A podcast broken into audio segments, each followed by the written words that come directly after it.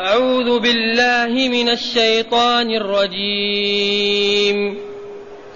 ولقد أرسلنا نوحا إلى قومه إني لكم نذير مبين. ألا تعبدوا إلا الله. إني أخاف عليكم عذاب يوم أليم. فقال الملأ الذين كفروا من قومه ما نراك إلا بشرا مثلنا وما نراك اتبعك إلا الذين هم أراذلنا بادي الرأي وما نرى لكم علينا من فضل بل نظنكم كاذبين معاشر المستمعين والمستمعات من المؤمنين والمؤمنات. هذه بداية قصة نوح العبد الشكور عليه وعلى نبينا أفضل الصلاة وأزكى التسليم. نوح. هذه بداية قصة نوح. وقد أنزل الله تعالى صورة سماها بصورة نوح ما بين المعارج والجن وهي خلاصة لما سوف نسمعه في دراسة هذه القصة عدة ليال. نوح وهو العبد الشكور. نوح قضى بين قومه داعيا إلى ربه صابرا على على أذى قومه ألف سنة إلا خمسين عاما. فكانوا يسبون ويشتمون ويدفعون ويضربون وهو صابر. لم يترك دعوة الله لا ساعة ولا يوم ولا ليلة حتى حكم الله بينه وبين قومه فأغرق الكافرين. ونقلهم إلى دار الجحيم ونجى الفئة المؤمنة من المؤمنين. إذا هذه بداية القصة. يقول تعالى ولقد أرسلنا نوحا إلى قومه. لما أرسلوا إلى قومه؟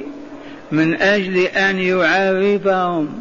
بأن لهم ربا وإلها لا رب غيره ولا إله سواه هو خالقهم ورازقهم ومدبر حياتهم فليعبدوه وليتركوا عبادة ما سواه من تلك الأصنام والتماثيل. وهنا أخبرنا أبو القاسم فداه أبي وأمي صلى الله عليه وسلم بقصة نوح وأن سبب عبادتهم الأصنام أنه كان فيهم رجال صالحون أتقياء برا مؤمنون موحدون. فماتوا. فلما ماتوا زين الشيطان لأولئك الأقوام بأن يبنوا على قبورهم ويضعوا صورا وتماثيل لهم من أجل أن تذكرهم بهم وبعبادة الله وطاعته. ففعلوا مات جيل وجاء جيل ثاني فعبد تلك الصور والتماثيل. وقد ذكر تعالى أسماءهم في قوله من سورة نوح وقالوا أي قوم نوح لا تذرن آلهتكم أي لا تتركن عبادتهم ولا تذرن ودا ولا سواعا ولا يغوث ولا يعوق ونصر خمسة رجال من الصالحين ود سواع يغوث يعوق ونسر كانوا والله رجالا صالحين. فلما ماتوا رأوا أن يبنوا على قبورهم أو يضعوا صورا لهم من باب الذكرى والتذكير. مات ذاك الجيل العالم وجاء جيل آخر بعد مئة سنة أو مئتين فرأى أن عبادتهم هي المقصودة فعبدوهم مع آلهتهم الأخرى. ولا تذرن آلهتكم ولا تذرن ودا ولا سواعا ولا يغوث ويعوق ونسرا وقد أضلوا كثيرا. فها نوح عليه السلام يقول لهم إني لكم نذير مبين. نذير نذير من عواقب وخيمة. وآلام شديدة. عجلوا توبوا استغفروا ارجعوا إلى ربكم وحدوه اعبدوه وحده. إني لكم نذير مبين. بين النذار واضحها سليمة. أنا مبعوث من قبل الرب الخالق. إليكم لأنذركم عواقب الكفر والشرك والعياذ بالله. إذا بأن لا تعبدوا إلا الله. نذير لكم نذير لكم من عواقب الشرك وعبادة غير الله. مأمور أن آمركم بأن لا تعبدوا إلا الله. وهنا كانوا يعبدون الله ويعبدون معه غيره. لأن وضعهم في تلك الأيام كوضع من أصيبوا بالجهل في هذه الأمة وأصبحوا يعبدون الأولياء ويتقربون إليهم. هذا ينذر لهم وهذا يذبح لهم وهذا يحلف بهم وهو يعتقد أنه لا إله إلا الله ولا رب سوى الله ومع هذا يقولون نستشفع بهم نستغيث بأولياء الله نتوسل بهم إلى الله فعبدوهم كما عبد قوم نوح آلهتهم. وذلك بالحلف بهم. ثانيا النذر لهم والعيد. ثالثا الذبح لهم. رابعا الدعاء. خامسا الاستغاثة. يا سيدي فلان يا كذا. أليست هذه الاستغاثة؟ أما هي طلب الغوث؟ ولدي مريض زوجي بي كذا يشرحون أحوالهم أمامهم كأنهم بين يدي الله. ولا عجب ولا غرابة. الديانة اليهودية ما دامت كذا فتحولت إلى شركيات وأباطيل. الديانة المسيحية سبعين سنة فقط توحيد وعبادة لله. بعد السبعين سنة انتكسوا. وعبدوا غير الله وأله غير الله. فلا عجب نحن ما إن مضت ثلاثمائة سنة وهي القرون المفضلة التي أخبر عنها رسول الله بقوله خيركم قرني ثم الذين يلونهم ثم الذين يلونهم. انتهى القرون الثلاثة ظهر أنواع الشرك والخرافة والباطل. لا تسأل. إذا إني لكم نذير مبين بأن لا تعبدوا إلا الله وحده وبما يعبدون الله بما يعلمهم أن يعبدوه به. علمنا يا نوح كيف نعبد الله يعلمهم يدعونه وحده يرجونه وحده يخافونه وحده يؤملون فيه وحده ويتركون العلاقات بغير الله عز وجل. إني أخاف عليكم عذاب يوم أليم. إني أخاف عليكم عذاب يوم أليم. شديد الإيلام والوجع وهذا اليوم هو يوم الطوفان في الدنيا ويوم القيامة. وما ينالهم من عذاب أبدي في دار البوار في النار دار الخزي والذل والعار. عذاب يوم أليم صالح ليوم الطوفان. وأحداث الطوفان واضحة. قال تعالى فدعا ربه أني مغلوب فانتصر. بعد ألف سنة إلا خمسين عاما فدعا ربه يا رب إني مغلوب فانتصر لي. فاستجاب الله عز وجل. فدعا ربه أني مغلوب فانتصر. ففتحنا أبواب السماء بماء منهمر وفجرنا الأرض عيونا فالتقى الماء العلي والسفلي على أمر قد قدر وحملناه على ذات ألواح. سفينة ودسر ومسامير ونجاه والمؤمنين وأغرق أعداه المشركين الظالمين. هكذا نوح يقول لقومه يا قوم إني لكم نذير مبين بأن لا تعبدوا إلا الله إني أخاف عليكم عذاب يوم أليم. فبما أجابه قومه من كان حاضرا هناك وشاهدا ينقل إلينا الخبر؟ الله أكبر. قولوا آمنا بالله. هذا كتاب الله. هذا وحي الله إلى رسوله. ولن يستطيع أحد على الأرض أن ينكر هذا أو يرده. ماذا قال الملأ؟ فقال الملأ لما واجههم بالدعوة الصريحة الواضحة لإنقاذهم من عذاب الدنيا والآخرة ليتخلوا عن الشرك والكفر والعياذ بالله أجاب الملأ. من هم الملأ؟ ليسوا الفقراء والمساكين. أهل المال وأرباب البلاد أصحاب الشرف والجاه الذين كلمتهم تعلو ولا يعلى عليها. الملأ الذين يملؤون عينيك إذا نظرت إليهم بأبهتهم وحسنهم وجمالهم. أما الفقراء والمساكين لا حظ لهم في هذا.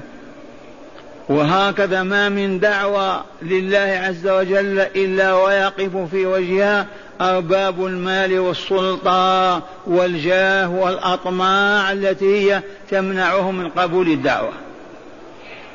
فقال الملأ الذين كفروا من قومه الذين كفروا بالله ولقائه كفروا برسول, الله نوح وما جاء به وجحدوا ذلك كله ماذا قالوا؟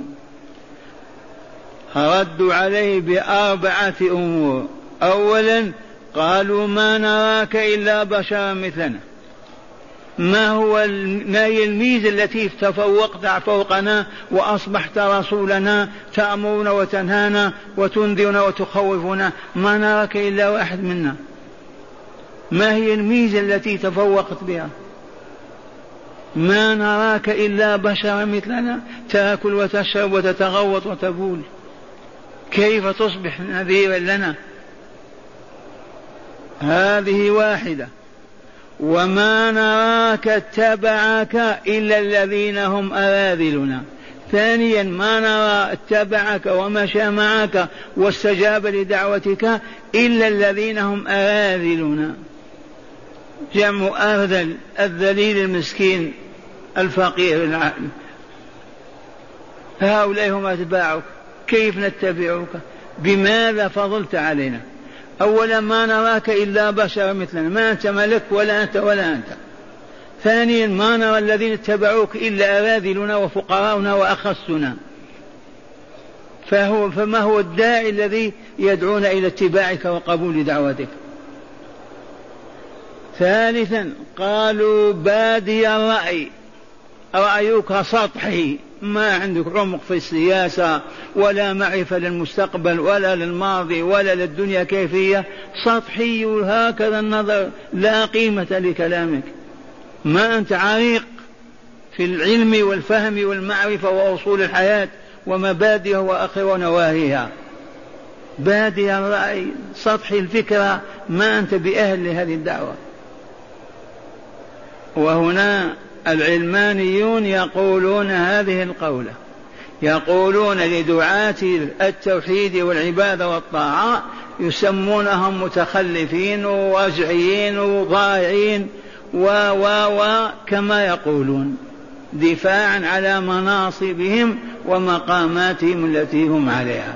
يدعون العلم فقط هم لا عالم سواهم. فانظر ماذا قال قوم نوح لنوح ما نراك اتبعك إلا الذين هم أراذلنا أو ثانيا بادي الرأي. رأيك سطحي ظاهر ما عندك عمق ولا معرفة ولا ولا. ما تعرف الحياة كيف هي. كيف تأمر أن نتبعك ونمشي وراك. ولا بصير لك ولا علم. رابعا وما نراك وما نرى وما نرى لكم علينا من فضل. وما نرى لكم أنت وجماعتك الفقراء من فضل أبدا ولا ميزة تتفضل بها علينا؟ بل نظنكم كاذبين. بل نظنكم كاذبين. أنت وجماعتك الموحدون الذين يدعون إلى التوحيد. نظنكم كاذبين في دعواكم. هذا هو قول نوح وهذا قول قومه. وأعيد تلاوة الآيات ولقد أرسلنا نوحا إلى قوم من المخبر؟ الله. كيف وصلنا هذا الخبر؟ طريق أمي وأبي. عن طريق رسول الله صلى الله عليه وسلم. وحي أوحاه الله إلى رسوله. وقد ضمه هذا كتاب الله القرآن الكريم. ولقد أرسلنا نوحا إلى قومه إني لكم نذير مبين ألا تعبدوا إلا الله. إني أخاف عليكم عذاب يوم أليم. فقال الملأ الذين كفروا من قومه ما نراك إلا بشرا مثلنا وما نراك اتبعك إلا الذين هم أراذلنا. بادي الرأي وما نرى لكم علينا من فضل بل نظنكم كاذبين. هذا ردهم. وفي الآيات الآيات الآتيات بيانات وتفصيلات. نسمعكم شرح هذه الآيات الأربع في الكتاب. معنى الآيات قال هذه بداية قصة نوح عليه السلام وهي بداية لخمس قصص جاءت في هذه الصورة صورة هود عليه السلام. قال تعالى ولقد أرسلنا نوحا إلى قومه إني لكم نذير مبين. أي قال لهم إني لكم نذير مبين. أي بين النذار. أي أخوفكم عاقبة كفركم بالله وبرسوله وعاقبة شرككم في عبادة ربكم الأوثان والأصنام. وقوله ألا تعبدوا إلا الله أي نذير لكم بألا تعبدوا إلا الله وتتركوا عبادة غيره من الأصنام والأوثان. وقوله إني أخاف عليكم عذاب يوم أليم. علل لهم أمرهم بالتوحيد ونهيهم عن الشرك بأنه يخاف عليهم إذا أصروا على كفرهم وشركهم عذاب يوم أليم وهو عذاب يوم القيامة. وعذاب أيضا عذاب الدنيا الطوفان. فقال الملأ الذين كفروا من قومه أي فردوا على نوح أي رد عليه على نوح ملأ قومه أي أشرافهم وأهل الحل والعقد فيهم ممن كفروا بالله ورسوله فقالوا ما نراك إلا بشرا مثلنا أي لا فضل لك علينا فكيف تكون رسولا لنا ونحن مثلك؟ هذا أولا وثانيا وما نراك اتبعك إلا الذين هم أراذلنا أي سفلتنا من أهل المهن المحتقرة. كالحياكة والحجامة والجزارة ونحوها. هم الأراذل. وقولهم بادي الرأي أي ظاهر الرأي لا عمق في التفكير ولا سلامة في التصور والتقدير عندك. وقولهم وما نراك وما نرى لكم علينا من فضل أي وما نرى لكم علينا من أي فضل تستحقون به أن تصبح أن نصبح أتباعا لكم فنترك ديننا ونتبعكم على دينكم بل نظنكم كاذبين فيما تقولون وتدعون. فهمتم هذه الآيات؟ زادكم الله فهما. فيها هدايات تستنبط منها؟ هيا نتأمل. أولا إن نوحا واسمه عبد الغفار. إن نوحا واسمه عبد الغفار ولقبه الله بالعبد الشكور. إنه كان عبدا شكورا. فهو عبد الغفار اسمه وعبد الشكور. أو عبد شكور. ونوح من النياحة جائز أن يكون كان يبكي من صلابة قومه وعنادهم وباطلهم. قال إن نوحا واسمه عبد الغفار أول رسول إلى أهل الأرض. أول رسول إلى أهل الأرض. ما قبل نوح إلى آدم الفترة الزمانية ما هي طويلة. وكان الناس على عبادة الله وتوحيده. فلما طرأ عليهم الشرك بما سمعتم من فتنة الشياطين بعبادة الأولياء أرسل الله إليهم نوحا فكان أول رسول. من أول الرسل؟ قل نوح عليه السلام. من أول الأنبياء؟ آدم عليه السلام. من آخر الأنبياء والرسل؟ محمد صلى الله عليه وسلم. كل رسول نبي وليس كل نبي كل رسول وليس كل نبي رسول. كل رسول نبي. إذا يرسل حتى ينبأ ويعلم. وليس كل نبي رسول كل نبي وليس برسول. فأول الرسل الذين حاربوا الشرك ودعوا إلى التوحيد نوح عليه السلام. قال إن أو إن نوحا أو إن نوحا واسمه عبد الغفار أول رسول إلى أهل الأرض بعد أن أشركوا بربهم وعبدوا غيره من الأوثان والآلهة الباطلة.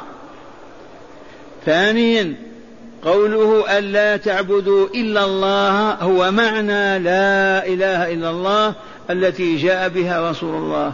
قولوا لا إله إلا الله. أمرت أمرت أن أقاتل الناس حتى يقولوا لا إله إلا الله.